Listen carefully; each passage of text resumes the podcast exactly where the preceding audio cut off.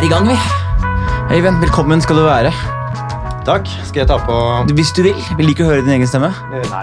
Jeg liker ikke det heller, men jeg tar mikrofonen gjerne så nærmer meg opp i trynet som det går an å få det. Sånn, sånn, sånn. Sånn. Da er vi i gang alt, ja. Du, det er eh, rett på sak. vel- det, er, det er rett på sak, altså. Hvor har du vært i dag? Hvor har jeg vært i dag? Eh, Jeg har vel holdt meg hjemme, som jeg har pleid å gjøre det siste året. Jeg har eh, Hele 2020 så har jeg sittet hjemme og skrevet bok, stort sett. I Linderud? Nei, jeg bor på Manglerud nå. Så er jeg fra Lindeberg. Lindeberg så alle blander sammen med Linderud. Det er det du det skrev i boka? At jeg var på Ja, andre sånn. siden av dalen? Sånn har det alltid vært. Ingen som klarer det. Jeg, har litt etter at Ikea kom til Oslo, så ble det litt lettere, for nå kan jeg si at det er rett ved Ikea. Gå opp, dra på Ikea, titt opp i åsen, så ser du det. Ikke sant. Nei, jeg, jeg, du har jo, I forkant av deg så har jeg fått lov til å lese boka Getto. Er den kommet ut? Den eh, kom ut uh, nettopp, ja, i uke to i 2021. Og det du gjør der Jeg må bare få skryte veldig veldig mye av, det, av, det, ja, av den boka. Ja, takk. Fordi man sitter jo i dag, og så ser man på en måte at det er veldig mye eh, si, ikke så nyansert samtaler om hva som faktisk foregår, og hva som skjer i byen vår. Nei. Og hva som skjer i disse små, lukkede områdene. Eh, og du hadde en setning eh, i boka som jeg har lyst til å sitere på, som jeg synes var så utrolig fin. Hvor du tok en kommentar fra VG, hvor en person skriver om disse gettoene i, i, i Oslo, og sier det er getto på Stovner, og så sier han bare ta T-banen bort og se! Og så argumenterer du for at å ja, er getto noe man kan se? Er det fargen på huden og er det hijaben som gjør et getto, eller hva er det? Og den samtalen synes jeg bare, det bare fikk meg å tenke veldig mye annerledes på, på norsk rasisme, Ja, ja, ikke minst, men også på at getto er. Og, og interessant er jo at det er jo, sånn som veldig mange bruker getto, så er det noe man kan se. Mm. For det, det, eh, gettodefinisjonen er jo lang og kronglete, og historien er lang og vanskelig, men, men i Norge så har vi, koker det jo rett og slett ned til et sted hvor det bor mange innvandrere som er mørke i huden. Vi begynte, å- begynte å skrive om eh, frykten for gettoen i norske aviser i, og stortingsmeldinger til og med i 1975. Mm. Da bodde det 300 pakistanere i Oslo. Og Noe sant, noe, noe sånt rundt der. Og der de bodde, var sikkert et getto på den tiden. Ja, det bodde litt mange på Grønland og Tøyen. Grønland ble tidlig kalt Lille Karachi, så, så det var der jeg husker jeg gikk. Eh, Jeg er jo en eh, moden mann, så jeg husker jeg gikk eh, en gang på Grønland og, og ble stoppet av en god gammel norsk fyllik. Og han sa 'jøss, yes, en nordmann'. Det hadde han ikke sett så mye på, på Grønland da. Dette, var vel, dette er sikkert 30 år siden eller noe sånt. da. Jøsses! Så, så gettofrykten i, i Norge starta liksom i Oslo indre øst, og så har den flytta seg ut til, til uh, drabantbyene. Og, og det litt det, som er, det, er nesten sånn at man må Norge bør komme med nesten en offentlig unnskyldning for eh, Norges pakistanere. Mm. For, for eh, gettodebatten har fulgt pakistanerne uansett hvor de bosetter seg. altså når de selger eh, sine små leiligheter på Tøyen Grønland og flytter ut til eh, Grudalen og Lørenskog og utover i Viken, så følger jammen gettodebatten etter dem. Så gettoen det er liksom der hvor eh, de ikke-vestlige innvandrere bosetter seg. Og det er jo, Getto er vel et adopsjonsord, er det ikke det? Eh, Et ord som er adoptert fra engelsk? Eller er det et norsk ord også? Det er jo egentlig et italiensk ord. Er det det? Eh, Ja. Eh, Det er ingen som helt vet hva, hva det betyr. Det er mange forskjellige tolkninger. Eh, Så mange at jeg nesten må slå opp i boka for å huske det. Men, men den første gettoen i, i, i verden, der hvor navnet kommer fra, var jo Venezia. Og det handlet om at det var et sted der jødene ble tvunget til å bo. Ja! Uh, og, og der, der er det mange teorier på hva akkurat hva, men det handler vel, en av teoriene er at det ligger ved et kanonstøperi. Så, så da, at det, og den, den, den nye gettoen og den gamle gettoen, den gamle gettoen var kanonstøperiet, rett og slett. Og den nye getto, gettoen, det var der hvor jødene måtte bo. Og, og det er jo liksom den klassiske definisjonen på, på getto, er jo en, et, et boligstrøk hvor en minoritet er i majoritet, og hvor de blir tvunget til å bo. Og det det jeg alltid har trodd getto var, som en minoritet fra en drabantby. Jeg har alltid sett på getto som eh, et sted hvor eh, der bor folk fra lavere sosiale klasser. Altså, eh, I USA så har du alltid sett på det som getto, men også disse trailer parksa, hvor Ja. det bor fattige hvite mennesker. Og jeg har sett på det som et getto, men det er det jo tydeligvis da ikke. Nei, eh, hovedpoenget er vel at det er, liksom, at, at det er tvunget å bo der. At det, at det er regler og lover. Mm. Det gjelder jo f.eks. de afrikansk-amerikanske gettoene, kjenner vi kanskje best. Mm. eh, Gjennom eh, hiphop og gangsterrap opp gjennom årene. Det, det så man det, Altså, når jeg vokste opp, så var det jo litt sånn kult med getto. Jeg ville bo der, jeg. Ja, jeg ville jo bo i Compton. Vi visste jo ingenting om Compton.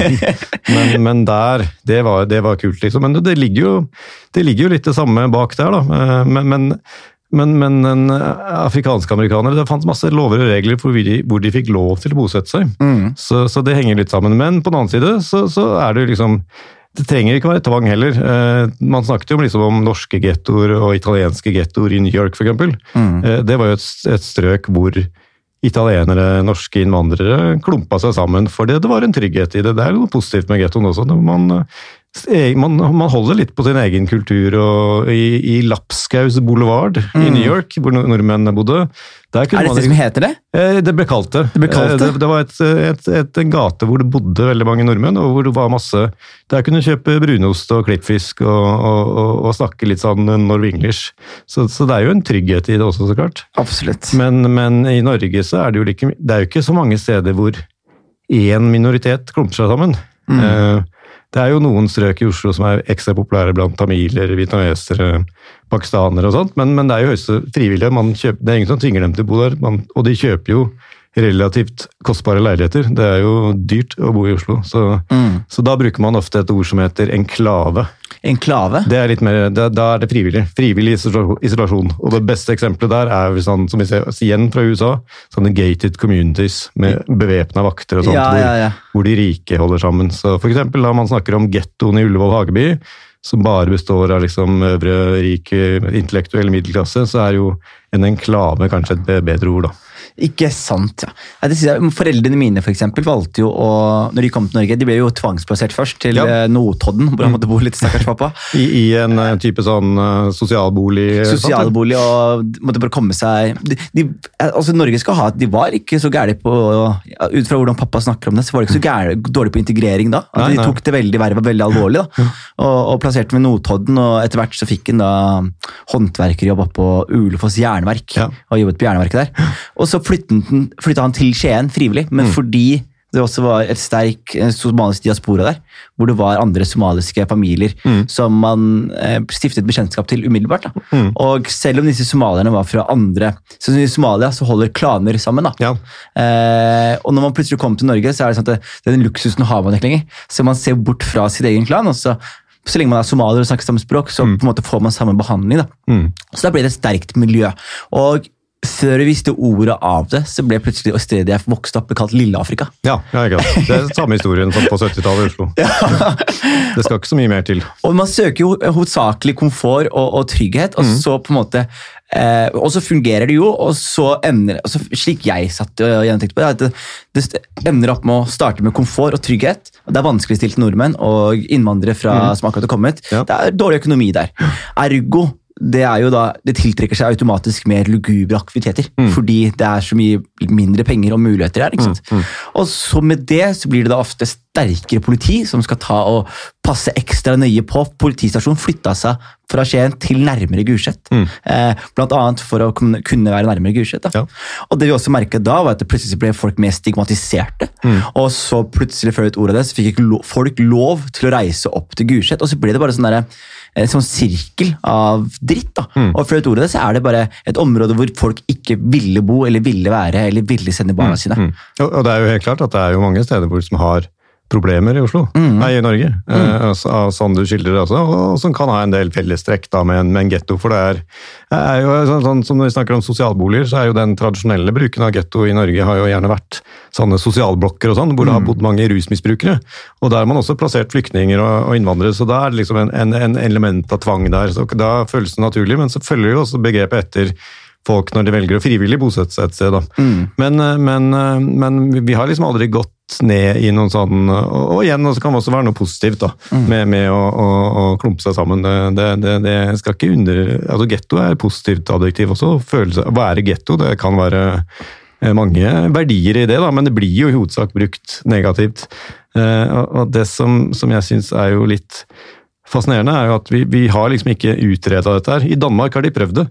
Der har de prøvd å lage en sånn offisiell gettodefinisjon for å liksom peke ut områder som er problemområder. I, i, i Norge så blir liksom hele Groruddalen kalt getto.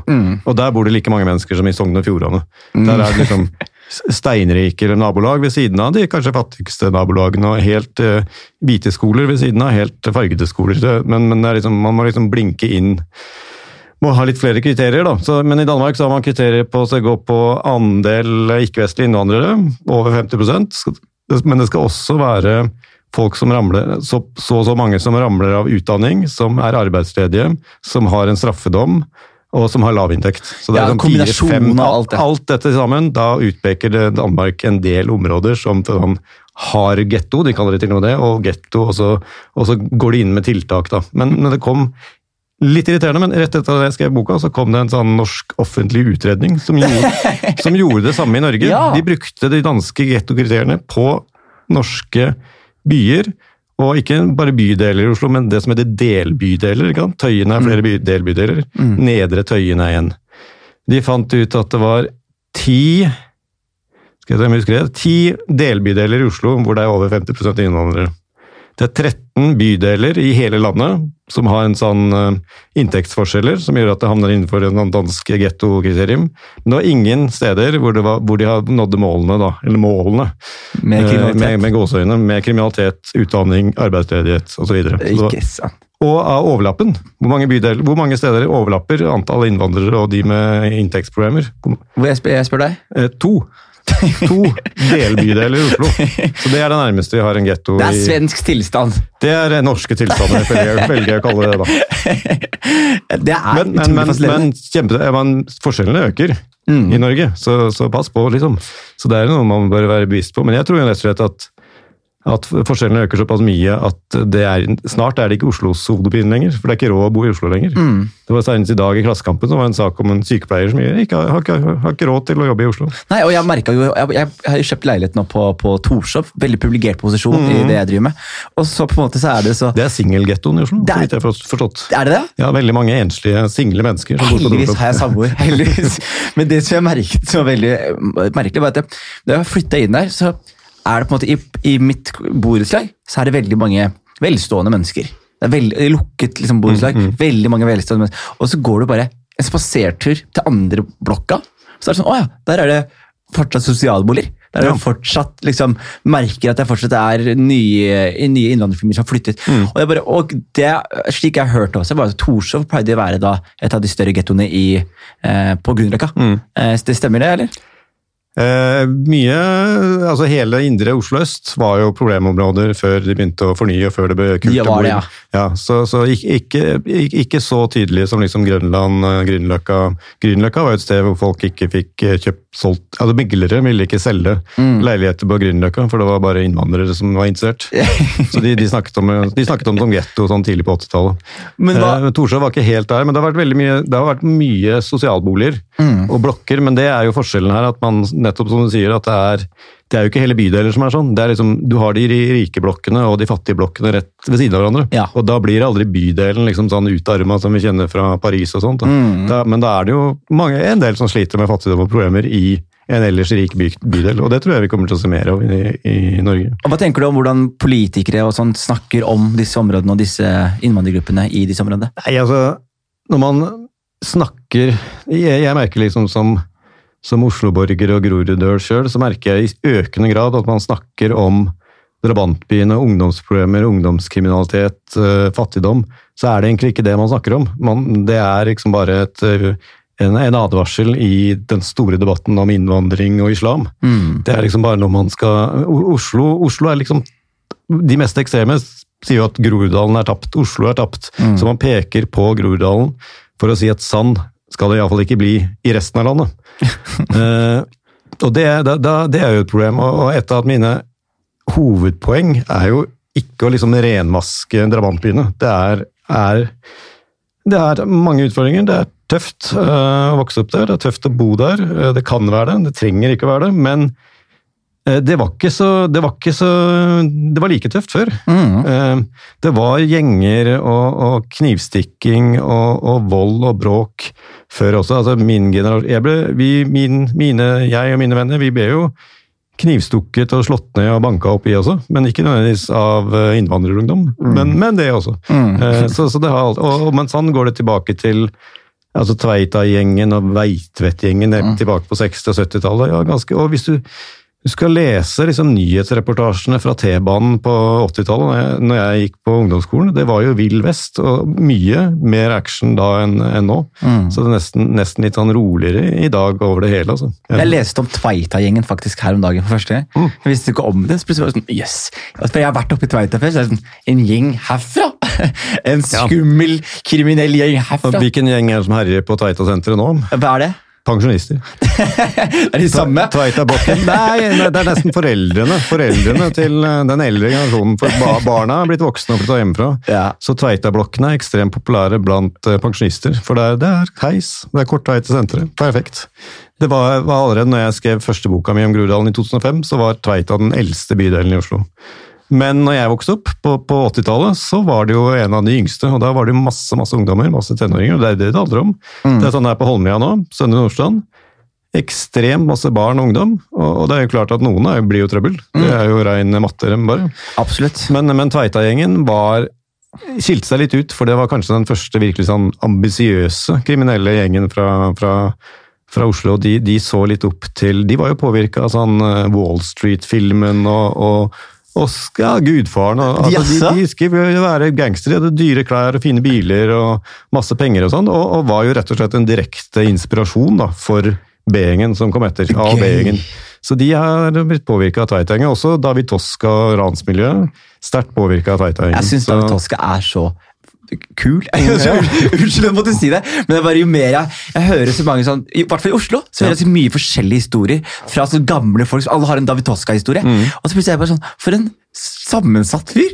Ja, ja, ja. Og, og, og han var jo, var jo direkte inspirert av, av Tveita-gjengen og stilen og holdningen der. Altså, altså kriminelle som litt sånn glamorøs uh, stjerne, da.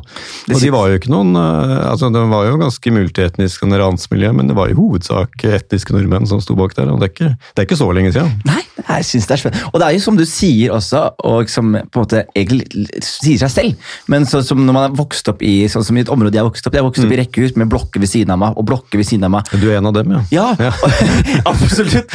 Og, Og da ble du vel sett på som sånn rik sossegutt, da kanskje? Eller? Nei, fordi vi var fem stykker Ja, på, i toroms, ja, ja. så vi var fortsatt veldig trangt der. Mm. Toroms rekkehus? Toroms, nei, treroms rekkehus Ja, så hadde jeg en søster som hadde eget rom, fordi foreldrene mine hadde respekt for henne. Mm, Eh, og det jeg husker som, er, som man ikke tenker så mye på, litt sånn som du sier også, er at Gulset var jo ikke noe bedre sted før.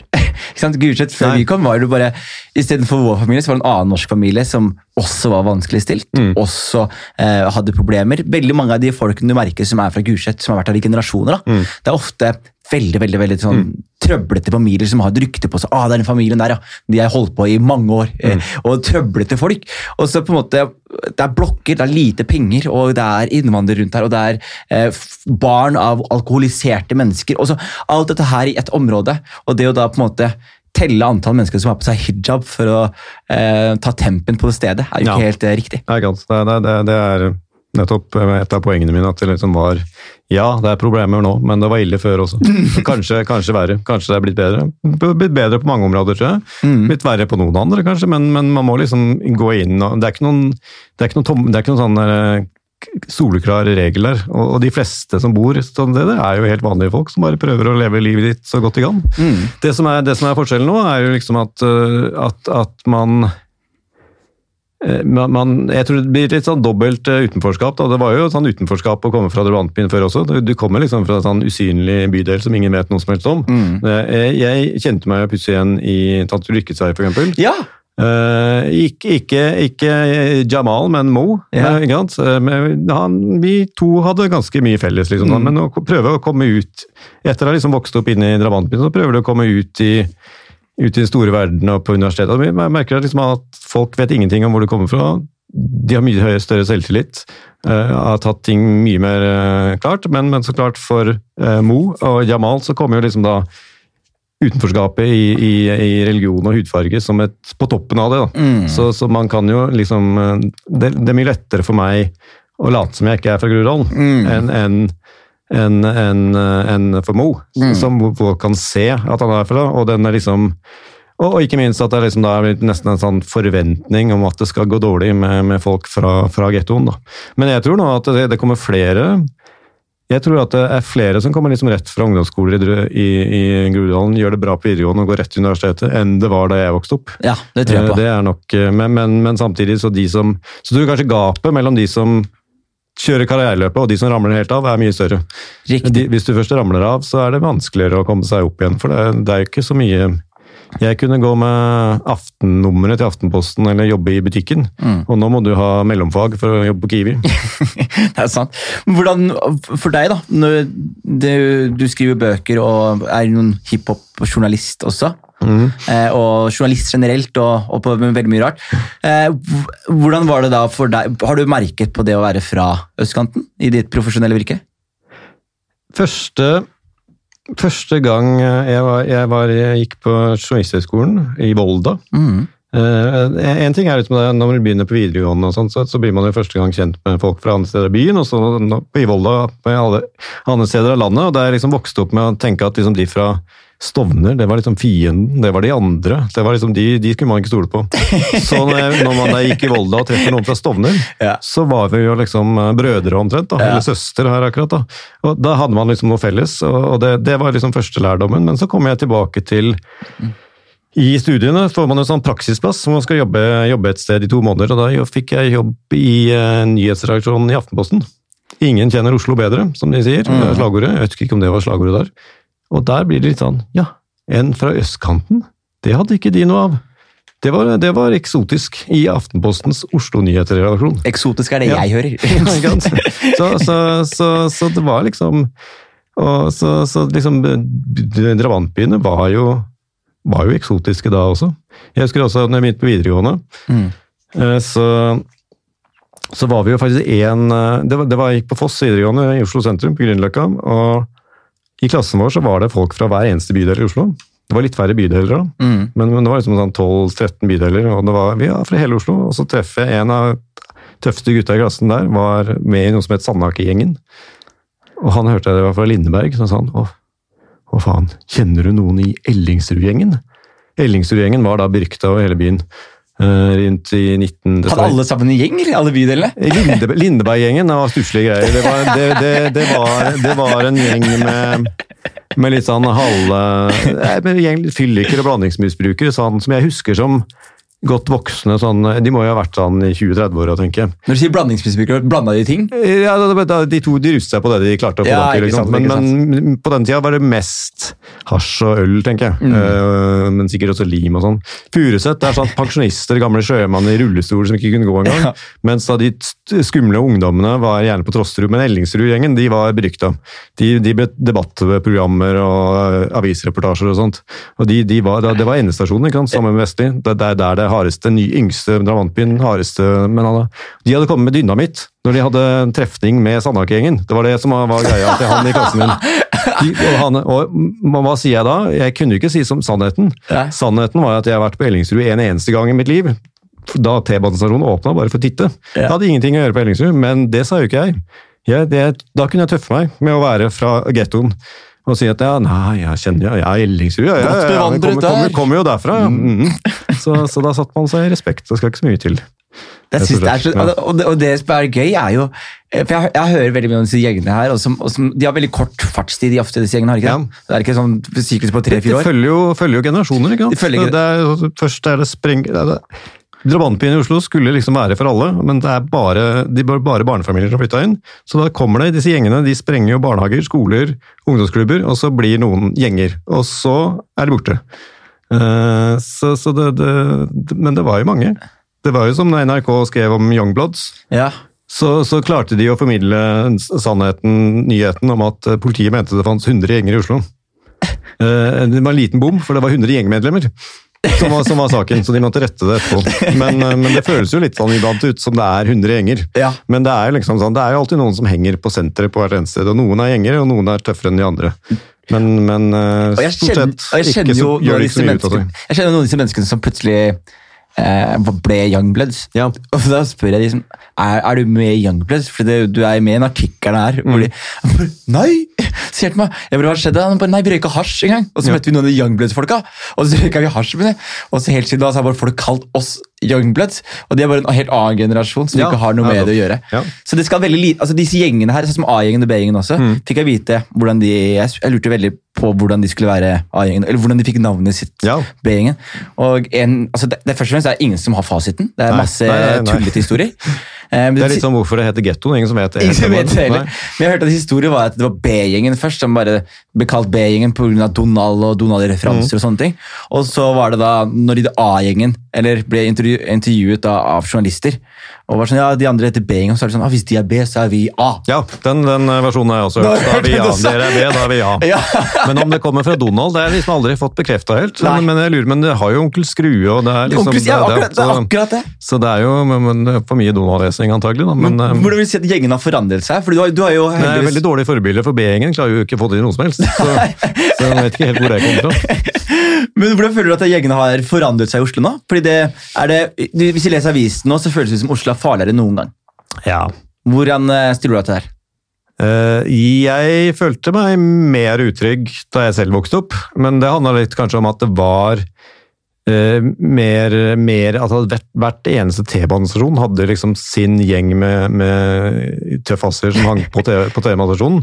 Så da var det litt mer sånn fysisk eh, fare, rett og slett. For at noen skulle, ja, de satt og drakk øl og knuste flasker. og så det var litt, litt større sjanse for å havne i søkelyset til dem, uansett hvor du var og hvem du var. Men nå er det litt mer eh, hva skal vi si, profesjonalisert. Ja, og mer sånn Hvis ikke du har noe, hvis ikke du er kriminell, så er det ingen som plager deg. Nei, ikke sant. Og, og du kan bo på tju- tjukkeste Holmlia Stovner uten å vite noe som helst om Mm. noen gjenger, men, men, men det er jo også da liksom et, et det, det handler jo vel så mye om liksom narkopolitikken. da, At det er såpass eh, strengt som det er. At det er økende behov antagelig for, for narkotika. eller i hvert fall mer, altså det det er pop Ja. og røyke. Eh, Så noen, noen må tilby dette, her, og da blir det en sånn knallhard kamp om et sånn illegal marked. Og Det er jo veldig typisk forskjellen på øst og vest. at Alle statistikker viser jo at det røykes jo mer i vest. Mm. Men der har man hager og kjellerleiligheter og sånt, mens, mens, det er, mens det er lettere for politiet å ta folk som prøver å snike seg ut for en blås under lampa på Haugenstua, som uh, Shetan eh, skriver om. Kunne ikke vært med. Og det som også frustrerer meg, som meg og Fela var innom eh, i forrige episode Vi Ja. snakket om at disse politiet og myndighetene generelt, at de istedenfor å på en måte tilby folk muligheter, fritidsklubber, ha Mm. disse mulighetene åpne, så endte man opp med å kutte i disse budsjettene. slik at Ja. liksom, plutselig var det ikke fritidstilbud lenger. Og så ble det liksom økt kriminalitet, og så istedenfor å gi disse tilbud, så bare økte man bemanning av politiet i disse områdene. Og alt dette her bare tilsier i tillegg da, til en eh, veldig, i mine øyne, veldig veldig feilslått forbudspolitikk. Kombinerer du det her, så får du et getto, som man ber om. Ja. Men jeg har vært en del rundt på sånn ungdomsskoler på, i sør og øst Ja. og vest og sånt, og det gjennomgående fra bekymringen for lærerne er jo iblant at de, ja, de syns det er litt få ungdommer som er ute og henger. De fleste er jo hjemme. De sitter hjemme med foran skjermen og, og snakker med hverandre på sosiale medier. Og kanskje enda mer nå i, i koronaen, hvor Ja. det liksom ikke er noen ting å gjøre. Det er, jeg har jo barn selv i ungdomsskolealder. Det er men de blir jo liksom isolerte, og, og no, noen er ute, men, men, men stadig flere er liksom hjemme. Og, altså, rett og slett, hvorfor er ikke ungdommen ute og henger lenger? Det, er en annen godt, bekymring. godt spørsmål. Men så, som jeg, jeg husker For min del så var det sånn der, jeg hadde, det, jeg hadde i hvert fall en veldig privilegert og heldig barndom. i den forstand Mm. at Vi hadde én datamaskin hjemme, så var vi fire brødre. så det var, Hvis én var på datamaskinen, så måtte de tre andre gjøre noe annet. Ja, eh, og, så, og da var det ofte sånn Hvis vi gikk ut og lekte, og sånn, så hadde vi ofte veldig sånn trygge rammer. fordi Mens veldig mange andre var redde for Gulset, så var vi veldig hjemme der. så Ja. det var jo sånn, Vi gikk ut, vi kjente alt og alle, og man var eksepsjonelt trygg. Og det skjedde også veldig mye ting som jeg ikke altså jeg husker Vi, vi så pistoler. Til, mm. da vi jeg husker Det var en gang en fyr som var rusa på amfetamin, som så etter en fyr som heter Birger. Så spør noen hvor Birger er, og vi er sånn, vi vet ikke. Og så tar han opp en pistol, sikter på oss og sier 'Hvor er Birger?' Og så er det ikke før det går sånn ti år at når vi mimrer tilbake, så er det sånn Det er ganske traumatisk. Ja, ja. ja? Egentlig når man tenker seg om. da. Ja, men, men, det er flere som har sånne historier opp gjennom åra. Mm. Men uh, hele veien. Men når det var første gang Du hørte noen bruke getto om hjemsteder. Du har jo brukt det sjøl. Jeg har brukt det, om- jeg sjøl. Ja. Det er et godt spørsmål. Var det Eh, deg, eller? Ja, nei, det var Jeg tror at vi var litt sånn som du sa selv, eller, eller inspirert av hiphop og sånn. Ja. Så vi forhelliget ofte getto. Vi, mm. Jeg husker vi kom på skolen, så var det sånn vi var enten Eastside eller Westside. Vi Ja. måtte ta parti i denne intense Tupac Biggie-beefen. Mhm. Eh, når Crips og Ja, er det Westside eller Eastside? Jeg var Eastside, for jeg likte, Eastside, jeg likte Biggie. Nettopp. Men så var også naboen min var Westside, så det handla ikke om. Det handla bare om Men vi likte. Uh, Crips og Bloods hadde vi på skolen. Uh, og vi gjorde alle disse tingene. Så det som skjedde, Vi forhelliget ofte stedet vi var fra. Så På starten så brukte vi getto som en sånn positiv ting. da. Og så tror jeg også, Eller litt sånn tøffe seg, da. det er minst. ja, er fra gettoen. Getto Gulset. Getto Gulset blir kalt. Og så tror jeg ikke det plaga meg før eh, Christian, Christian Tybring-Gjedde og Sylvi Listhaug og disse Og det er jo ikke før i voksen alder hvor disse voksne høyreekstreme politikerne skal bruke da de, mitt kjære hjemsted Ja, ja. til å vinne politiske poeng for folk som aldri har besøkt Mm. det, mitt, kjære, mitt kjære hjemsted. Jeg var på Twitter her om dagen, da så jeg en fyr fra Karmøy som skrev et langt innlegg om hvor uh, kjipe tilstander det var i Oslo. Ja. Så er det bare sånn her, men du er i Karmøy, Ja, du vet ikke hva som skjer her. Han kunne brydd seg om gettoen på Karmøy, som, jeg- som jeg har lært meg eksisterer. Gettoen på Karmøy. Som, eh, jeg traff en fotograf i NRK som var fra Karmøy. Han var peruaner. og det var strøket, strøket hvor han vokste opp, hvor innvandrere bodde, det var gettoen på sikkert- Karmøy. Det var sikkert hans familie, vet du. Ja, ja. De bodde her, så da dere Ja. hadde lagt ut gettoen. Ja, det var, det var getto på Bygdøy. Det var getto på Det var en som skrev et innlegg om det i avisa. Det En gate hvor det bodde noen innvandrere. Vi har gettoen på Bygdøy. Skal ikke mer til. Det skal ikke mer til enn det, altså.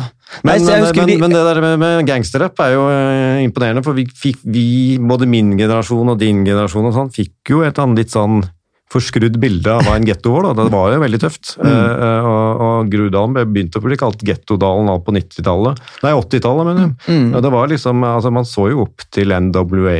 Og, og, og altså Jeg vokste opp med jeg er samme generasjon som Warlocks fra Vestli. Ja, og hva var det de kalte Grudalen? The Valley of Terror.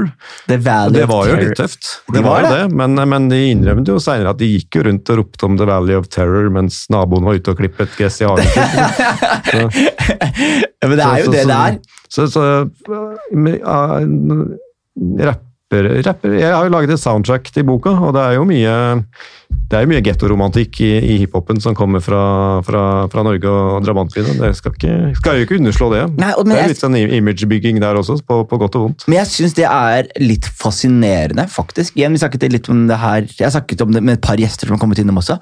Fordi jeg er jo en voldsom hiphop-fan. Jeg regner med at du også er stor fan. Ja. uh, og jeg er veldig veldig glad i hiphop, men jeg, jo eldre jeg blir, jo vanskeligere har jeg for å kunne eh, rettferdiggjøre glorifiseringen av vold. Mm.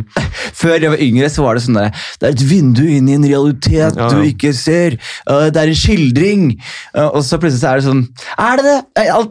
Men snakker vi da om amerikansk hiphop eller norsk hiphop?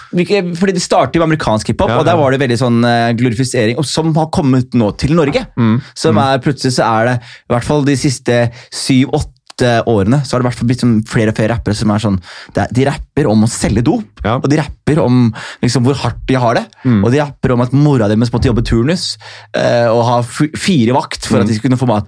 Og all den der, Tupac og de gutta rappa om, han var klart å finne en sånn norsk Og så begynte de med maske lenge før korona. ja, veldig lenge før korona. Nå, nå er de jo, drukner de jo bare i mengden, stakkar. Men eh, Unge Ferrari hadde maske for lenge ja, ja, ja. Nei, hva tenker du om denne glorifiseringen av vold? og sånn? Er det noe logikk i det?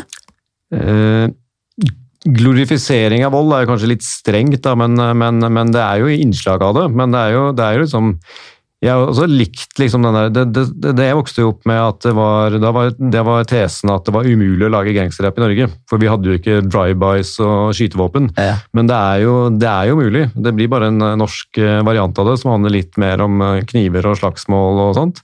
Så, så må man se liksom på eh, ja, hvor mye er virkelighet, hvor mye er fantasier, hvor mye er liksom er eh, dikting og sånt, og det, det er jo det som er litt fascinerende. Samme med NWA, vi trodde jo at de rappet om det de holdt på med. Men, eh, ja, ECE var jo doppusher, men Ice Cube var arkitekturstudent. og de, de fortalte historier som de hadde hørt. Det var litt sånn vandrehistorier fra, fra nabolaget som de rappet om også, da. Mm. Men, men eh, Jeg synes det er, litt vanskelig, det er å rette pekefingeren eh, mot rapperne og si at de skal slutte med det. Ja, ikke, for Eh, det, syns- det syns jeg ikke heller, men jeg bare sliter med å forstå Men- hvorfor det er Hvorfor jeg liker Altså, jeg liker det jo godt. Ja, og det, dette er vel noe som alle som liker gangsterrapp har slitt med i, i alle år, tror jeg. Å forsvare og, og forklare. Jeg, jeg vet ikke. Det, det, det som alltid har gitt meg noe med amerikansk gangsterrapp, er jo at det gir meg liksom innblikk i liv som jeg egentlig ikke forstår.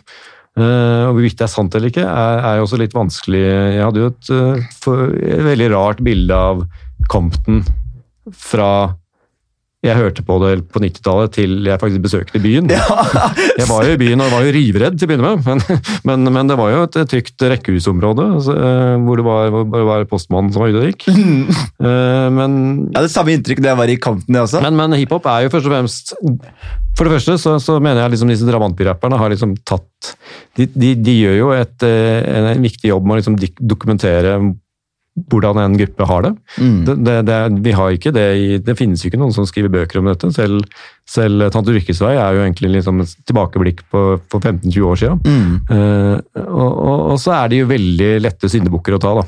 Mm. Eh, det, det, er liksom sånn, ja, ja, de er dårlige forbilder, men er det liksom noen som har dem som forbilde, egentlig? Nei. Eh, som vil bli som dem? Eller noen ler av dem, noen, er, noen syns de er kule, noen Men, men det er så klart, uh, Cisco, Versace, Medusa Det er jo en tøff låt. Det er en veldig tøff jeg, jeg var på uh, bare Haugenstua ungdomsskole eller noe sånt. Og det første som skjer når elevene kom, kommer inn, er har du hørt den nye Stovner-sangen, spør de. Stov, nye Stovner-sangen, vi snakker om? Har de laget en sånn offisiell Stovner-sang? Nei, det var jo den natta fra Stovnertårnet. Og vid- ja, videoen spilte inn på Stovnertårnet og sånn. Så det gir jo liksom en sånn uh, eh, forrykt uh, hjemstedsstolthet. Da. Så, Mm. det, det har jo positive sider, men det som ingen, ingen klager på, når det gjelder liksom sånn dop og dårlige forbilder og sånt, hvor, hvor er det liksom vi ser altså Jeg jobber i Dagens Næringsliv. Vi har masse saker om sånn der eh, business med røyke marihuana, og, og, og nå er det kult, og nå bruker vi det i matla... Altså, hvis du søker marihuana på dn.no, så får du masse sånne positive business- og livsstilsnyheter. mm. Det går jo knapt, altså det er Modern Family er den eneste TV-serien hvor, hvor liksom ikke mor og sønn røyker en joint sammen. Mm. Det er liksom, det er jo, det er jo sånn eh, dop og røyking og sånt overalt du snur deg, da. ikke bare i hiphopen. Ja. Så, så, sånn sett så kan du være glad for at de viser litt av skyggesida også, da. Som jeg føler at de gjør. Og så er det jo også spennende, sånn som du ser eh, For eksempel så tror jeg også det handler litt om Igjen, du sier jo da at et getto er et, mennesker som går inn der og ser brune mennesker, ser hijab og tenker det er getto. Og det merker jeg også gjelder for eksempel hvis du ser på sport. da, Så ser du Esine, som er en kjempedyktig sprinter. Hun ble- ble dopingmistenkt, mm. ble frikjent til slutt. Men hun, for eksempel, når hun var mistenkt, så så det bare alle bare Selvfølgelig. Og hun fikk skjørt seg og måtte stå i det.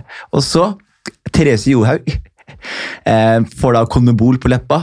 Ja.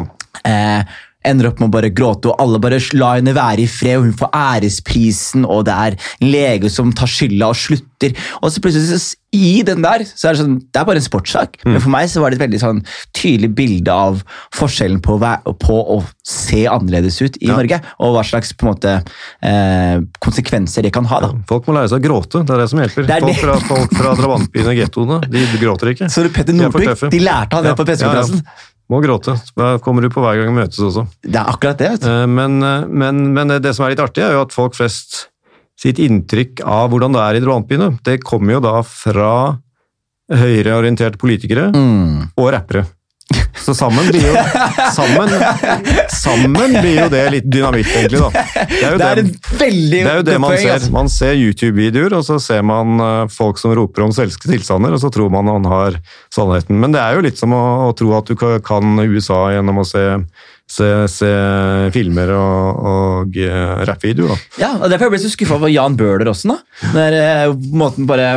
Fordi Man har en sånn greie som jeg merker, i hvert fall som en somalisk mann, så er det sånn der, hvis man ser andre somaliere som tar rampelyset ved å si sånn der, vet du hva, det er viktig at vi somaliere tar oppgjøret med oss selv, så er det sånn, nå bare prøver du å, å runke en hvit journalist og få en hyllest, liksom. Mens det er veldig, det er veldig krevende å, å stå og beskytte sine egne. Mm. Det er veldig vanskelig å stå rakrygga og beskytte hvor man kommer fra. beskytte. Mm. Og det er jo mange idioter i alle leirer, liksom. Det er det. Du kan ikke beskytte alle, liksom. Du kan ikke beskytte alle, men du kan beskytte stedet. og du Mm. kan beskytte, Jeg kan beskytte det å være svart i Norge uten å måtte ta og, og kaste meg altså Det handler om å søke aksept. da. Ja. Eh, for eksempel, jeg har jo eh, en hemmelighet, jeg har ikke sagt noen her, men en, et, en kusine av meg skriver for Resett. Ja, Ikke sant? Ja, topp. Nå har jeg sagt det høyt. Ja. Jeg vil egentlig holde det hemmelig, men jeg tenker det passer bra.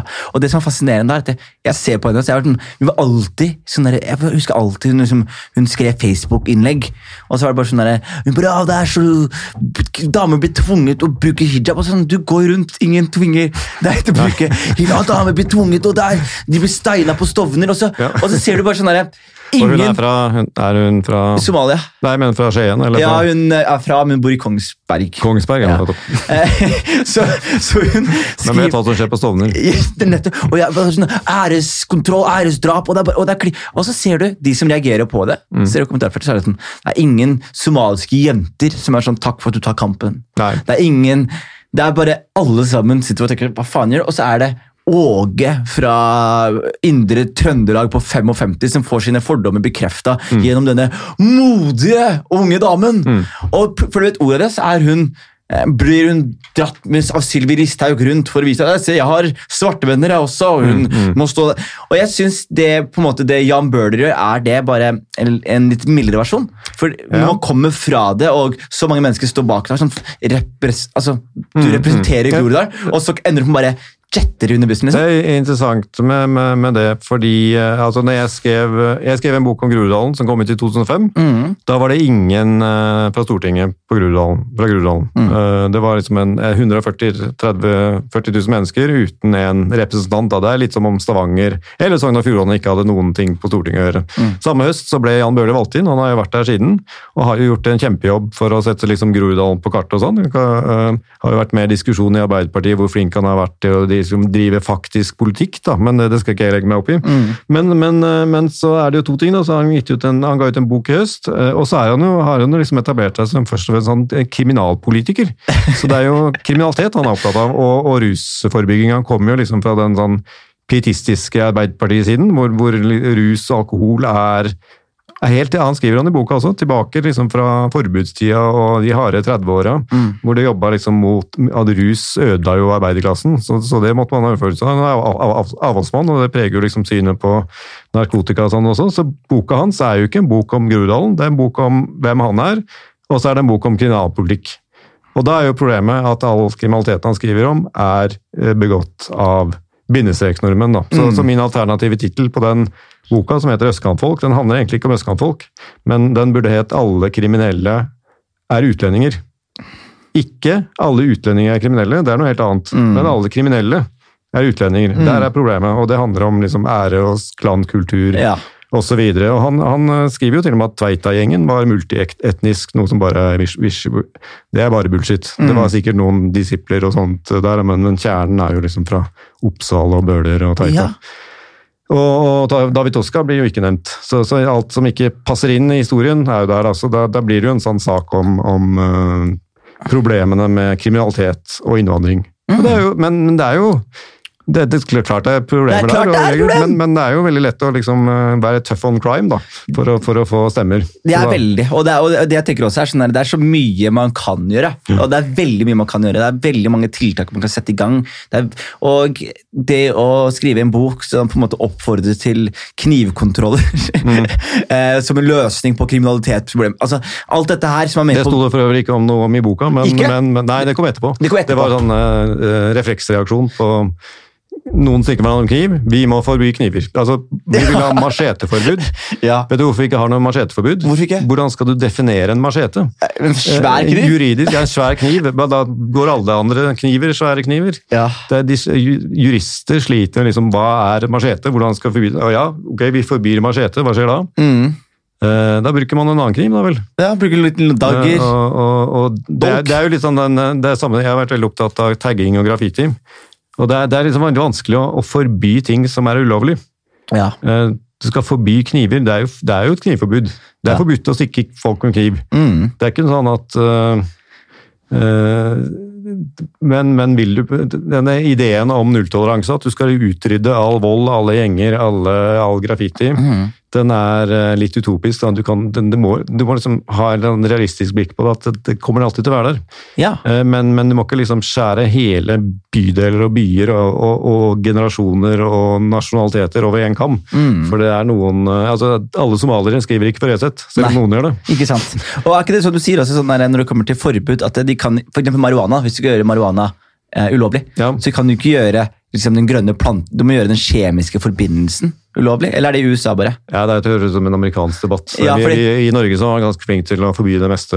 Ja, fordi, men det mente, for eksempel så hadde vi de årene hvor Spice kom opp, som var et alternativ til cannabis, Ja, ja. som folk kunne bestille. Og grunnen til at det var lovlig, var fordi myndighetene ikke rakk å gjøre den kjemiske forbindelsen ulovlig før de laget en ny variant. og Du, ny du har jo hamp, da, som kommer av samme planten som du kan lage klær av. og sånn. Det er jo ikke forbudt. Og det er jo alltid påfallende mange i sånn marihuanamarsjen og sånn som er for Hamp. og klær og sånn.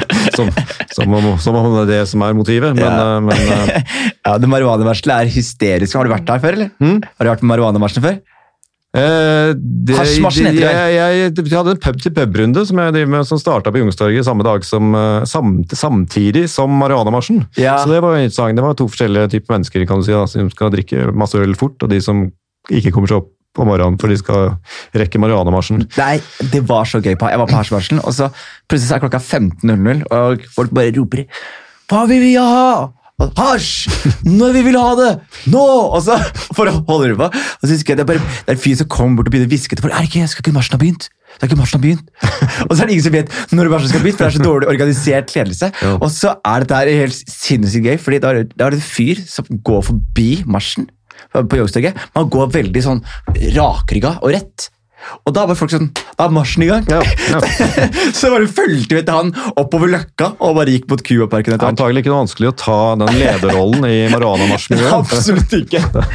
Det, det, det, det er en eh, kort karrierevei. Hvis du tar, tar litt grep der, så, så, men det har vel ikke vært marihuanamarsjen på lenge, tror jeg. Nei, jeg, synes, jeg tror Det er litt pussig, siden det er, det er jo økende bevegelse og toleranse for en legalisering. Da. jeg er veldig for en legalisering. Jeg, jeg, kan jeg spørre hva du, hva du tenker? Har du lov til å ha meninger som journalist? Ja.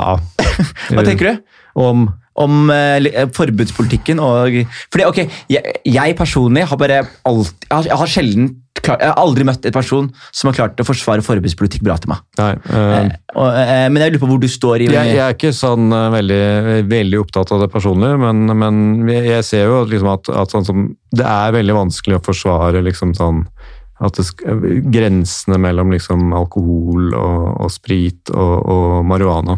Det er ikke så store forskjeller. Det burde liksom vært en oppmykning iallfall. Det er ikke for kanskje sånn fullt frislipp som de driver med i, i, i USA. Så går man kanskje litt for langt at man tror, tror det er liksom helt eh, eh, uskadelig altså røyke. Det er jo, folk får jo kreft, og, og det er jo røyking. Det er, det er røyk i lungene og sånt. så man skal ikke, Det at det er lovlig, betyr ikke at det er sunt. Selv om rusen er sunn, så er kanskje bieffektene der. Mm. Men helt klart, en, hvis jeg skulle stemme, hvis det var liksom folkeavstemning, så ville jeg vært for en slags en liten oppløsning, iallfall. Og iallfall mindre strengere straffer. Og det man snakker om nå med, med å, å Når vi snakker om liksom å straffe folk for brukerdoser og sånt, at det skal være det, det, det, vi bør kanskje nærme oss en litt mer sånn verden som det er med å drek, drikke i parken. Ja. Eh, Det er jo ikke lov, men, men alle gjør det, og, og alle slipper unna med det. Iallfall ingen som blir straffa med det, hvis du ikke lager bråk i tillegg. Mm. Så, så litt mer se gjennom fingrene og ikke liksom gå etter brukerne. Ikke, at man løper rundt det og, og arresterer tenåringer i Grudalen eller, eller eh, narkiser på, med Gunerius. Det, Mm. det er liksom ikke der man skal gå, da. Men, mm. men hvorvidt og ikke minst så er det jo da det, det er jo den, den, denne strenge linja som eh, fører til at man får gjenger da, som, som, eh, som Youngbloods og sånn. Det er jo det de, de lever av, den Mm. strenge, strenge forbudspolitikken. Fordi det er jo sånn eh, som er litt rart, I alkohol, når det var forbudt, for eksempel, Mm, mm. så var det sånn, det var ikke folk slutta ikke å drikke av det engang. Da var det bare, da drakk man sterkere saker, da. Det er jo smugling. Jeg leser faktisk akkurat nå en tegneserie som heter Gulosten, som handler om Norges, en av Norges mest kjente sprit, spritsmuglere. Som holdt på under forbudstida. Han het Gulosten? Han ble kalt Gulosen, ja. Eh, han jobba med mann fra havet og, og Japaneseren og, og eh, De hadde veldig mange fargerike navn. Det var gjenger, det var slagsmål, de, de skøyt mot banka opp politiet. Eh, Det var Vill Vest, de kalte det Chicago-tilstander i Oslo. Dette var på 1920-tallet. Eh, og Da var det jo forbud mot sprit. Eh, Det, var forbud mot øl en veldig kort periode, og så fikk man lov til å drikke portvin i 1923. Du start, åpna på portvin? Jeg åpna på portvin, det er, er liksom en av åpningsscenene i den tegneserien. at Nå er vel lov å drikke portvin, for det er spanjolene og portugiserne. Eh, De, de protesterte mot uh, hetvinsforbudet, så de, de kjøpte jo klippfisk av Norge. Så de sa hvis ikke dere kjøper portvinen vår, så kjøper ikke vi klippfisk av dere. Så da ble det hevet. Så da var det sprit som var forbudt. Og det er det jo veldig gode, det var det jo veldig mange gode argumenter for å bremse på spriten, for det var jo helt ville tilstander med spritforbruket. Eh, Altså, hvis du hørte om sånne folk som drakk seg drita på gin i England, det, var, altså, det gikk jo ut i liv og helse. Folk drakk jo så mye sprit at de holdt på å få gå. Så det var jo, altså, det handler jo litt om liksom, måtehold og lære seg å leve med rusmidlene også, da. Så spri, spriten var jo, var jo på, sånn, på en periode nesten litt sånn opiodbølge, som du ser i USA nå. Det var liksom som raserte arbeiderklasse og familier og sånt. Så, så det, var, det var en grunn til spritforbud også, da. Ja. Eh, og, og sånn sett, så, så, men så ble det jo oppløst, og så fikk man jo inn i ordnede former. Vinmonopolet er jo en av de beste oppfinnelsene vi har i Norge. Da. Så, så hasjmonopolet hvis, hvis jeg hadde engasjert meg i hasjmarsjen, så er det liksom da tar man lederskikkelsen, og så skal man jobbe for å opprette hasjmonopolet. Det hadde vært så bra å gå inn der og bare se en sånn 18-åring og si som Du, jeg prøver å finne noe til Ja. meg og kjæresten i dag. Noe avslappende vi kan høre på musikk til. Ja, men da må dere prøve en Ja, eh, dyktige medarbeidere, dyktige medarbeidere. Du har sånn som kan det de vet om-. Du har kvalitetskontroll på det som selges, ikke noe dritt. Det er ganske, Skatt, skatt, ganske dyrt, mm. eh, men og ordnede former. Og egentlig ingen som tjener på det, bortsett fra, fra samfunnet for øvrig. Så, så Vinmonopolet er jo en genistrek Ja, en stor genist. Og jeg husker sånn så, For min del, da, så er det sånn for, igjen forbud. Jeg tror aldri det har vært noe i hjernen min. Altså, jeg, tror, jeg, altså, jeg kan si sånn ah, det er enveiskjørt gate, jeg kjører ikke inn der. Mm. Eller det er trafikk, for eksempel. Da hører jeg på regler. Men når det kommer til sånn derre helt sånn cash og sånn, når jeg var 16 år, så sånn, ah, du får ikke lov til å drikke når du er 16. Selvfølgelig drikker man når man er Mm, 16. Eh, vet du, du får ikke lov til å drikke hasj. Å, men finnes det hasj? Og jeg prøver. Å, det var ikke så ille. Nei. Og problemet da er når du plutselig blir sånn ah, det var ikke så ille. Så antar man jo at myndighetene løy om alt. da. Mm, Jeg måtte gå ut på en egen liten personlig safari Mm. for å finne ut av hva som funka og ikke funka. Jeg tror jeg kanskje er den, må være en av de i Norge som har liksom størst avstand mellom å høre på røykemusikk og faktisk røyke. Mm. Du hører bare på masse hiphop og reggae om folk som røyker og kan alt om røykemusikk, men er fullstendig uinteressert i å røyke. Ja. Det tror jeg han havner i første gang jeg prøvde det i tenåra, liksom. Så det, det, jeg var på Roskilde og folk skulle røyke og sånn, og så jeg fikk, jeg fikk det ikke til. Jeg hadde, ikke, jeg hadde aldri noe interesse for å røyke sigaretter, så jeg hadde aldri røyka sigaretter. Jeg klarte ikke å inhalere, fikk det ikke til. Alle ble helt fjerne rundt meg. Sånn. Og så, så var jeg, En annen gang så var, da var jeg på Roskildefestivalen og bare så at de som røyka, de ble bare sittende i teltet og gikk glipp av alle konsertene. Så det, det, Det det, prega, det pre- prega meg. så Det har vært uh, rimelig streit fortsatt. Men jeg kan fortsatt ikke inhalere, så det har jo, jeg, jeg får det ikke til. Du er Bill Clinton. Ja, ja. ja, ja. Men jeg tror han ljuger. det. Jeg tror også han ljuger. Men ok, men Getto igjen. Kan du fortelle meg litt om noen av de tankene du sitter igjen med etter å ha skrevet boka, gjort research og, og litt om bare hvor, hvordan ståa er her i Norge akkurat nå? For dette er jo mest sannsynlig det mest faktuelle vi har om svenske tilstander i Norge akkurat nå. Ja, eh, det, det, det kan jeg jo si litt om, for det har vi ikke snakket så mye om. er jo rett opp dette, Svenske tilstander er Nei. jo et sånt kodeord for Mm. getto. Det er det man Ja. sier når man ikke sier getto, for det er jo så lett. Det er veldig lett å skyte folk ned hvis de er, vi har ikke gettoer i Norge. Men vi har svenske tilstander, og det, det, det, det, det er litt sånn sånn eh, blunk-blunk. Det, det, da er det opp, opptøyer og bilbranner. Og, så, så liksom, man bruker liksom, Hvis det brenner en bil hvis, altså hvis vi kasta en stein på politiet, eller jeg skal ikke si at det brant biler, putta kinaputt i et eh, eksosrør, eller eller, eller, eller det var slagsmål på TV. Det, ble det havna ikke på Dagsrevyen. Det, det er den store forskjellen. Eh, og, og det er jo ikke Men, men, men eh, svenske tilstander det snakket man om på 50-tallet, fant jeg ut. Oi! Men da betydde det noe annet. Betydde Da betydde det at da hadde de bygget drabantbyer i Sverige, og det var redd for at det ble såkalte sovebyer. Og det, ba, og det, det, det stemte jo egentlig. Det, er jo, det har jo alltid vært litt av problemet med drabantbyene, at de ble sovebyer. Mm. Det er boliger Og det er det, liksom. Man bor der, og så jobber man og, og underholder seg og gjør et annet sted. Ja. Eh, Så det var frykten på 50-tallet. Men, eh, Svenske tilstander på 50-tallet var vel at de var feige. ja. men svenske tilstander som i dag er, vel, har, har det jo vært siden eh, 70-tallet. Eh, Da var man redd for eh, Da var man redd for eh, innvandrergettoer fra 70-tallet. Fra 1975 tror jeg det tidligste eksempelet. På innvandrergettoer allerede. Innvandrergettoer. Pakistanerne kom da, gjorde de ikke det? Ja, de, de første kom vel sånn i 1969 eller noe. sånt. Ja. Eh, og, og pakistanerne har jo alltid fått, siden det var den største innvandrergruppen, så har de fått skylda De fikk jo lenge skylda for alt som var gærent. ja. Eh, de marokkanere og, og, og fra andre land slapp litt unna, og så kom jo somalierne Mm. på 90-tallet og tok over liksom den syndebukkrollen. Så det handla litt om de største innvandrergruppene også. Men eh, det var vel eh, Dagbladet skrev i 1982 at det var liksom eh, nå at Oslo var en trykkoker hvor det, vi, vi, vi sto i fare for å få raseopptøyer. I 1982. Og, og vi venter litt, venter jo fortsatt. Jeg, men, men når jeg ga ut første bok om Groruddalen i 2005, så, så var ikke dette så på tapetet, egentlig. Hvilke, hvilke første år var det du ga ut? Groruddalen en reiseskildring. Det var liksom den ut? Grorud- 2005. Eh, Ja. Det var liksom Groruddalens moderne historie, og da, bodde, og da hadde det jo vært Da, da bodde jo fortsatt eh, Da var fortsatt Man snakket om eh, innvandrergettoer, så var det fortsatt Oslo indre øst som gjaldt. Eh, Det var masse debatter på 90-tallet om, om gettoskoler. Eh, som på Tøyen og på Grønland og Grünerløkka, at det var liksom få norske barn som skulle begynne der. Eh, og at, at, at det var da hvit flukt fra, fra Grünerløkka og sånt, at folk flytta ut. Eh, Det gikk jo ikke helt sånn. Det er jo snarere motsatt. Mm. Så var det jo pakistanerne som flytta fra Tøyen, Grønland og ut i drabantbyene. Men da fulgte jo gettodebatten etter. Eh, Så, så i, i 2004, rett før jeg skrev boka, så var det jo et NRK-program hvor programlederen kalte Romsås for en getto. Mm. Og folk på Romsås ble kjempesinte, og han måtte beklage seg. Og Aftenposten gikk, dro, og Dagbladet dro ut for å sjekke tilstandene. Og det var jo ikke noe getto, det var fredelige nabolag og, og ingen innvandrere. De skrev faktisk, eh, Aftenposten skrev at det var ikke så mange innvandrere som flytta østover, ergo har vi ingen getto. Men de kom jo. Og i 2005, nei, det var det poenget mitt, i 2005, når boka mi kom ut, Mm. så var det opptøyer i Paris. Ja. Franske tilstander begynte man umiddelbart å snakke om.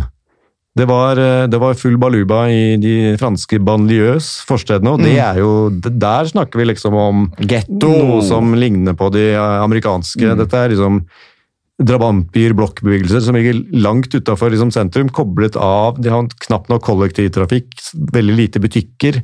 Helt sånn, ja, Offentlige Frankrike har nesten rømt, så det er liksom bare sosialboliger igjen. Eh, Og, der var det jo der var det brennende biler og opptøyer som, som starta som protest mot politivold. Mm. Eh, Men da begynte man umiddelbart å diskutere faren for franske tilstander i Groruddalen. Ja, man så man tenkte at det var liksom noe smittsomt over dette. her. Mm. Så snakket man om danske tilstander, for det var noen innvandreropptøyer i, på, i København i 2009. Du sier gåsetegn fordi det var det man kalte det, da, innvandreropptøyer. Ja. Men, men eh, du kunne like gjerne si at det var liksom eh, det var, Igjen så det var, Dette var i boligstrøk som var eh, sånn typisk arbeiderklasse, hvor det hadde vært masse sånne der, eh, bråk og opptøyer fra arbeidsledige arbeiderklassegutter. Så om, de, om det var fordi de var arbeidsledige arbeiderklasse, eller om de var innvandrere, det var ikke så godt å si. mm. Men, men det var iallfall innvandrere som gjorde opptøyer. Eh, Da frykta man danske tilstander, og de siste fem-seks årene så er det jo svenske tilstander som gjelder. da. Og det, det henger jo litt sammen med flyktningkrisen, Mm. og at Sverige tok imot veldig mange flyktninger, og har jo sine problemer som, som ikke ser på samme måte i Norge, da. Det neste er vel da amerikanske tilstander? At høyreekstreme Jeg glemte jo amerikanske stormer tilstander. rådhuset? Nei, det er amerikanske tilstander. Det, det, var det første. Det var det? Ja, det kom etter svenske, etter Rodney King-opptøyene. Ja! I 92. Da snakket man om frykten for amerikanske tilstander I Norge. I Norge. Det synes syns jeg Du er ser jo på TV, disse, disse utlendingene driver jo og lager kvalm, så det er klart de gjør det her også. Ja, fordi Det som også provoserer meg litt, er at, jeg, liksom, at jeg, jeg skjønner kriteriene at kriminalitet. Ikke sant? Jeg skjønner kriterier for at få folk tar utdanning. Jeg skjønner, Men at det, at det liksom utelukkende skal være ikke-vestlige som også er med på å definere det, Mm. synes jeg er litt rart. Fordi La oss si at du har et område som har, er blokker, og det er brennende biler og det er opptøyere, men det er polske folk som bor der. Da er det jo per definisjon ikke en getto. Ikke den danske definisjonen, nei. Nei, og, og Norge har jo valgt å adoptere den nesten, har vi ikke det? Nei, nei, nei ikke, ikke, ikke gjort det. Det, Nei, de det er bare Danmark er i ferd med å gå litt tilbake på den nå, for den har jo fått eh, litt uheldige bivirkninger, kan man si. Det er, altså, løs, hvordan løser man opp en getto? Ja. I en dansk getto? Jo, da må få noen, man må kaste ut noen ikke-vestlige beboere. Og tvinge inn noen vestlige beboere. Ja, man får ned statistikken. Så det er jo folk som faktisk har mista leiligheten. I ekstreme tilfeller så har folk mista leiligheten sin pga. sin etnisitet. Og det, det, sånn går det ikke an. Ja, det går ikke. Nei. Så, så det er jo liksom, ja, hvordan skal man, hvordan skal man eh, Hva er den letteste måten å oppløse en getto på? Det er jo så klart å få ut Få ned andelen ikke-vestlige, da. Ja, jeg syns det. Altså, men, det, men det også, her er, her er det jeg også tenker, da, som mye kunne vært unngått for mange år siden. hvis for jeg tenkte på det her, eh, for eksempel, Vi, vi flytta til et somalisk område, mm. som var veldig bra for meg når jeg vokste opp, og veldig Ja. bra for familien.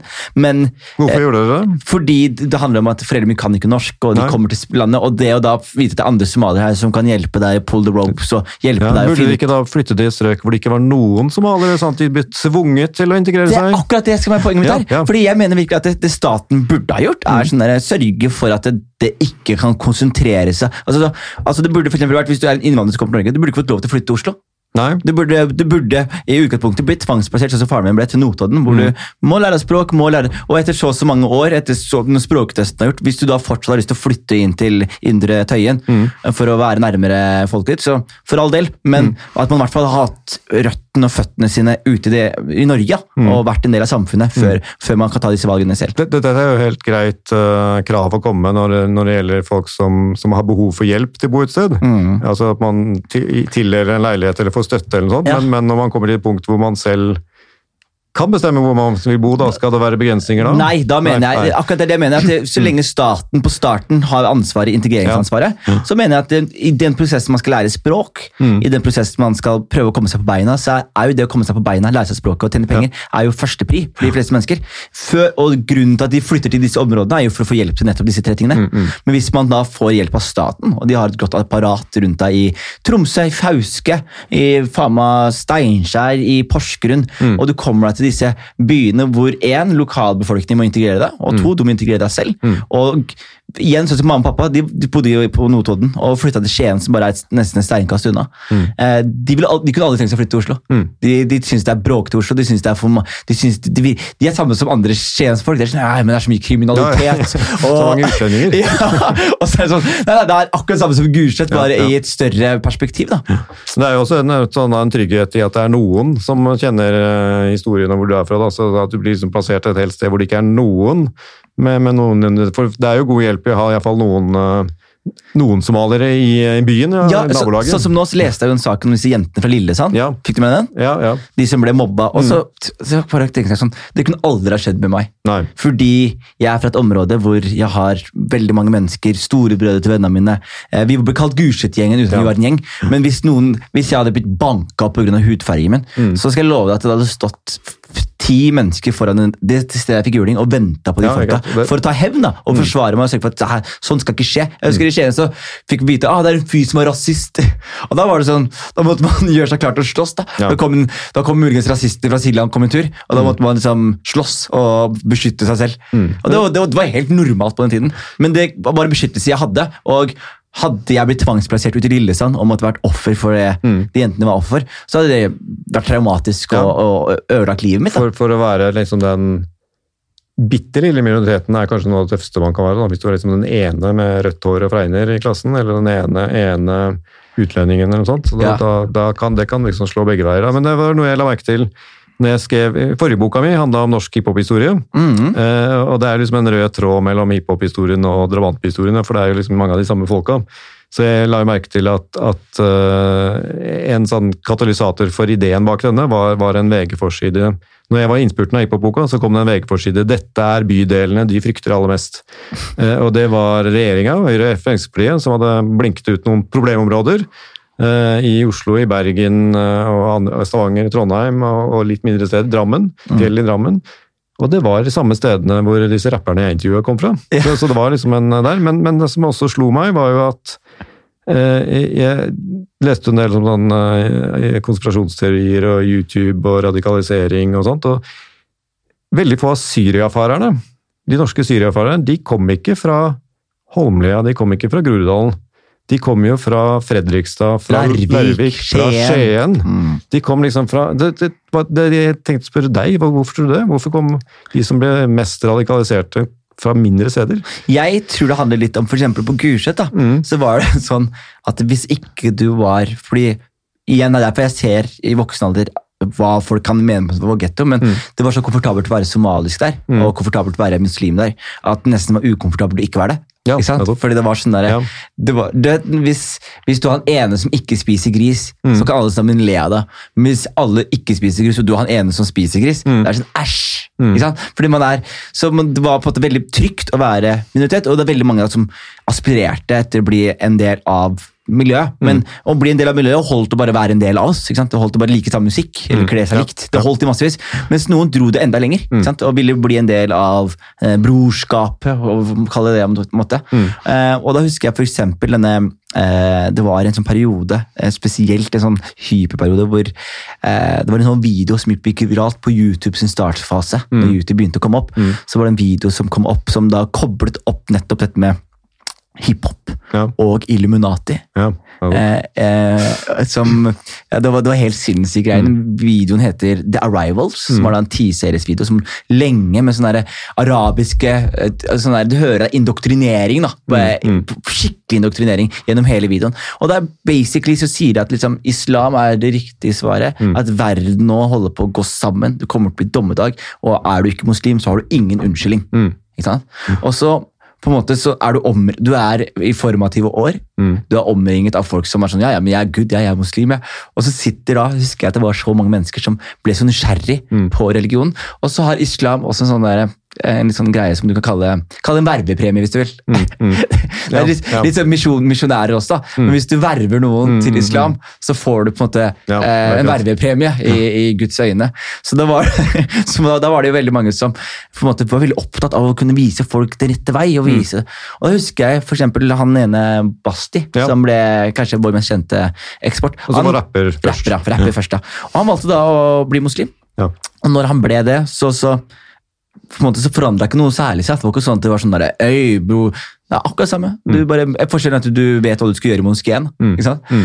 Eh, og det som skjedde med han, var at du da blir kontaktet av eh, fra Larvik. Mm. Og han fra Larvik, Mohildin, Mm. han var veldig radikalisert. Ja. Men ikke sånn tøff radikal. Han skulle ikke dra ned sjæl, men han var jævlig god til å prate. Ja, jeg veldig god til å prate for seg og sende folk ned på fly. da. Eh, og han endte da opp med å radikalisere folk og gikk i strid med liksom, koranskoler og moskeer. Ja, ja. Og, og valgte å være sånn Nei, dere, dere, er- dere, er, dere kuler til nordmenn, dere kjemper ikke krigen og bla, bla. Og plutselig så var så husker jeg han Basti gikk fra å ha meg inn i et studio til å plutselig stoppe en bil hvor han klør seg på skjegget og sier sånn Skal du være med til Syria, eller? Og vi er sånn hm? Han bare ja, vi skal gjøre Altså han skulle gjøre eh, hva sa han skulle gjøre? Skulle gjøre veldedighetsarbeid. Ja. Og så er jeg sånn derre Ja, nei, det skal vi ikke. Det skal vi absolutt. Og det var siste gang jeg så han. Ja. Det var veldig, veldig spesielt. Så det tror jeg handler også om at det, igjen, det er, disse områdene er masse stakkarslige sjeler. Som, og det kunne fort vært Stovner osv., men her har man også så mange mennesker som sier at jeg ikke gjør det. Nei? Hvis, jeg, hvis jeg blir radikalisert på Stovner, så er det 1000 somaliere rundt meg som er sånn Er du helt dum, eller? Skal du til Syria? Men hvis jeg er eneste somalieren i Larvik, og jeg får vite at de andre muslimske vennene mine eh, skal reise, så, så på en måte så er det aktuelt. da. Men det du også ser med de som reiser, veldig mange av de som er konvertitter også. Ja, ja. Som Det, det, jeg tror det handler om å liksom, uh, høre til et sted. Da. Tilhørighet. Eh, eh, Uten sammenligning for øvrig, så er det samme historien med Anders Behring Breivik. Mm. Han, han prøvde så godt han Han ville være med et sted. Han ville være med en gjeng. Han ville være tagger, han ville være hiphoper, graffiti. Ville- Fikk ikke lov å være med. Prøvde seg i Fremskrittspartiet, fikk ikke være med der heller. vil game. Så plutselig sitter han hjemme på gutterommet og er helt alene. Mm. Og da, da er det bare det store internett, så går du ned i kaninhullet for Det- godt, liksom. Og det kaninhullet er dypt. Ja. Det kaninhullet er eh, utrolig dypt. Du, den boka er den tilgjengelig ute? Ja. Hvorfor man kjøpe den? Eh, Du kan eh, mase på hver eneste bokhandel. eh, Bestille på bokhandel på nett. Eh, Jeg vet ikke om alle bokhandlere er den inne, men du kan bestille den i hver eneste bokhandel. Jeg må si, jeg leser eh, ikke så veldig mye bøker. Denne her er et av de Jeg er midt inne nå. Syns det er en utrolig bra lesning. Du har fått den fysisk? Er det her er det her min? Ja, har, du fått, har du fått den, eller? Nei, jeg har den hjemme på, på PDF. På PDF. Ja, da kan du få den. Kan jeg få den her? Okay, jeg hater, det hater å lese- PDF. PDF. Jeg også hater PDF, så jeg setter, setter pris på det. Så dette her er en bok jeg anbefaler deg som hører på. Eh, Øyvind, tusen takk for at du kom på Bare- besøk. Bare hyggelig. Og så tusen takk for en nydelig prat. Og så lykke til videre med denne boka. Og jeg anbefaler deg som hører på, å tune inn til boka her. Og så pleier jeg å avslutte med en liten ting. Uh, som en uh, hiphop-fan så mm, skal du få lov til å gi til shoutouts til hvem du vil.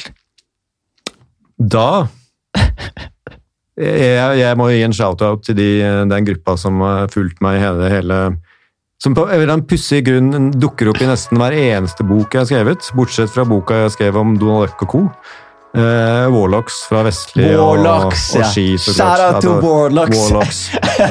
Når kommer den nye plata? Ja, vi venter! Warlocks, vi venter. Det er 16 år siden sist. Kom an! Tusen takk, Øyvind.